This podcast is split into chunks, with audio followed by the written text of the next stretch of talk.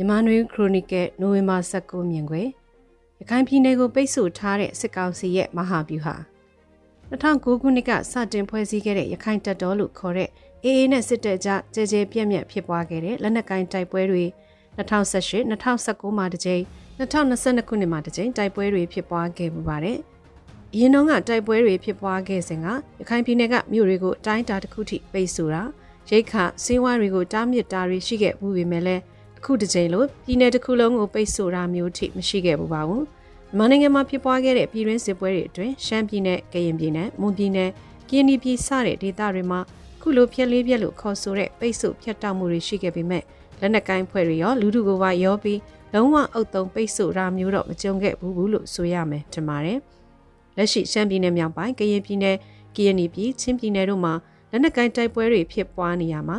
ရှမ်းပြည်နယ်မြောက်ပိုင်းမှာတော့မြောက်ပိုင်းမဟာမိတ်ညီနောင်သုံးဘွဲကကားလမ်းတွေပိတ်ဆို့တာတရားအချို့ဖောက်ခွဲဖျက်ဆီးလိုက်ပြီးစစ်ကောင်စီဘက်ကလူနဲ့လက်နက်အကူမပို့နိုင်အောင်လှုံ့ဆော်ထားပြီးကုံသွေးလမ်းကြောင်းလည်းရပ်ဆိုင်းသွားခဲ့တာဖြစ်ပါတယ်။ကရင်ပြည်ချင်းပြည်နယ်ကရင်ပြည်နယ်တို့မှာတော့တိုက်ပွဲဖြစ်ပွားနေပေမဲ့ရှမ်းမြောက်ဒေသလိုရခိုင်ဒေသလိုပိတ်ဆို့မှုတွေမတွေ့ရပါဘူး။ပထဝီဝေအနေထမြေပြင်ထိစက်မှုအနေထားကြောင့်လဲချို့သောဒေသတွေကဖျက်တောက်ပိတ်ဆို့ဖို့ခက်ခဲတဲ့သဘောလဲဖြစ်ကောင်းဖြစ်နိုင်ပါတယ်။ အဓိကအာယုံဆိုင်သုံးသက်ကြည့်ရမယ့်အဖြစ်ပြက်ကရခိုင်ပြည်နယ်တစ်ခုလုံးကိုစစ်ကောင်စီဘက်ကလက်နက်ရိတ်ခလူဝင်လူတွေပိတ်ဆို့မှုဖြစ်ပါတယ်။တိုက်ပွဲတွေဖြစ်ပွားနေတဲ့ဖြစ်ပွားလာနိုင်တဲ့ရခိုင်ပြည်နယ်မြောက်ပိုင်းကိုပိတ်ဆို့ရုံနဲ့မကဘဲတန်ရွယ်၊ကွတောင်ကုတ်စတဲ့မြို့နယ်တွေအထိရခိုင်ပြည်နယ်မြေပုံတစ်ခုလုံးအတိုင်းအတာနဲ့ပိတ်ဆို့ဖို့ဆုံးဖြတ်လိုက်ခြင်းဟာ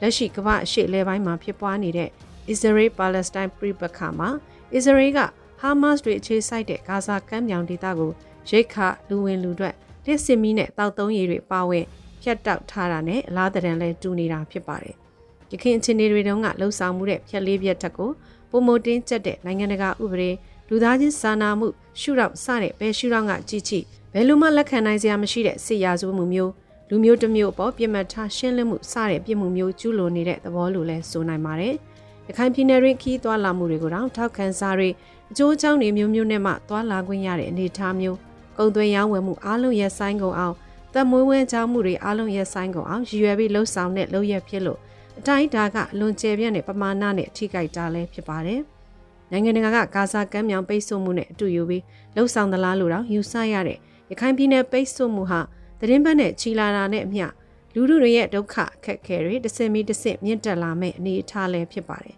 ။စစ်ကောင်စီအနေနဲ့စစ်စင်ရေးလုပ်ဖို့အင်အားမလုံလောက်တဲ့အခြေအနေပေါ်မူတည်ပြီး ခုလိုစီးရဲစီးပွားရေးလူမှုရေးအလုံးစုံပိတ်ဆို့မှုလုပ်တဲ့သဘောလို့ကောက်ချက်ချရပါတယ်။အေကလက်နက်ကင်တိုက်ခတ်မှုတကြောပြန်စတင်ပြီးနောက်မှာစစ်ကောင်စီဘက်ကတပ်အင်အားတွေထပ်ပို့တာလက်ဦးမှုယူပြီးတိုက်ခိုက်တာထက်ခက်စစ်နေထားနဲ့မြို့ရင်းရဲ့အုပ်ချုပ်မှုနေရာယူမှုကိုထိန်းထားဖို့သာဦးစားပေးစဉ်းစားပြီးလှုပ်ဆောင်နေတဲ့သဘောလို့ယူဆရပါတယ်။တကြောပြန်တိုက်ပွဲတွေဖြစ်ပွားလာတဲ့နောက်ပထမဆုံးကြီးကြီးမားမားဖြစ်ပွားတဲ့တိုက်ပွဲကတော့ အေးတက်တွေပေါတောမြို့ရဲစခန်းကိုတည်ယူခဲ့ပြီးမြို့ကိုထိန်းချုပ်ဖို့တိုက်ခိုက်တဲ့တိုက်ပွဲဖြစ်ပါတယ်။ပြီးခဲ့တဲ့ရက်ပိုင်းကဖြစ်ပွားတဲ့တိုက်ပွဲမှာပေါတောမြို့ကရဲသားတွေလူသားတိုင်းဖြစ်အသုံးချခံရတာနေအိမ်တွေမှာပြစ်သက်ခံရတာလက်နက်ကြီးကြီးကြပြီးရဲသား20ဦးထပ်မံအသက်ဆုံးရှုံးခဲ့ကြရတာသတင်းဖော်ပြမှုတွေရသိရပါတယ်။တိုက်ပွဲကြမှာကြီးလက်နက်ကြီးကြီးထိမှန်သေးဆုံးရတာတွေရှိသလိုပိတ်ဆို့မှုကြောင့်ကုန်ပစ္စည်းဈေးနှုန်းတွေမြင့်တက်လာပါ။ စေဝါကူးတောင်းမှုမရရှိနိုင်တဲ့အနေအထားတွေကြောင့်အသက်ဆုံးရှုံးရမယ့်အရေးအတွက်ကတိုင်းတာလို့မလွယ်ကူပါဘူး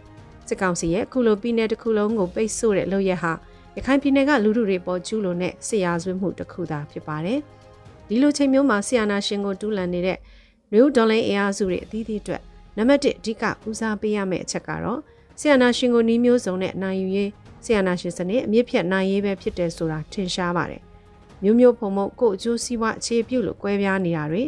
ကိုဦးစားပေးချင်တာကိုပဲရှေ့တန်းတင်ချင်တာတွေနဲ့တော်လိုင်းအင်အားစုတွေမစုစည်းနိုင်သေးရင်ဆီယနာရှင်တွေနှစ်ပေါင်း80ကျော်ကျင့်သုံးလာခဲ့တဲ့ divide and rule သွေးခွဲအုပ်ချုပ်ပြီးဆီယနာရှင်ခေတ်ဒွန့်ရှေးရေးကိုဆက်လက်ဆောင်ရွက်သွားနိုင်ပါလိမ့်မယ်လို့သာသတိပေးလိုက်ချင်ပါတော့တယ်ရှင်။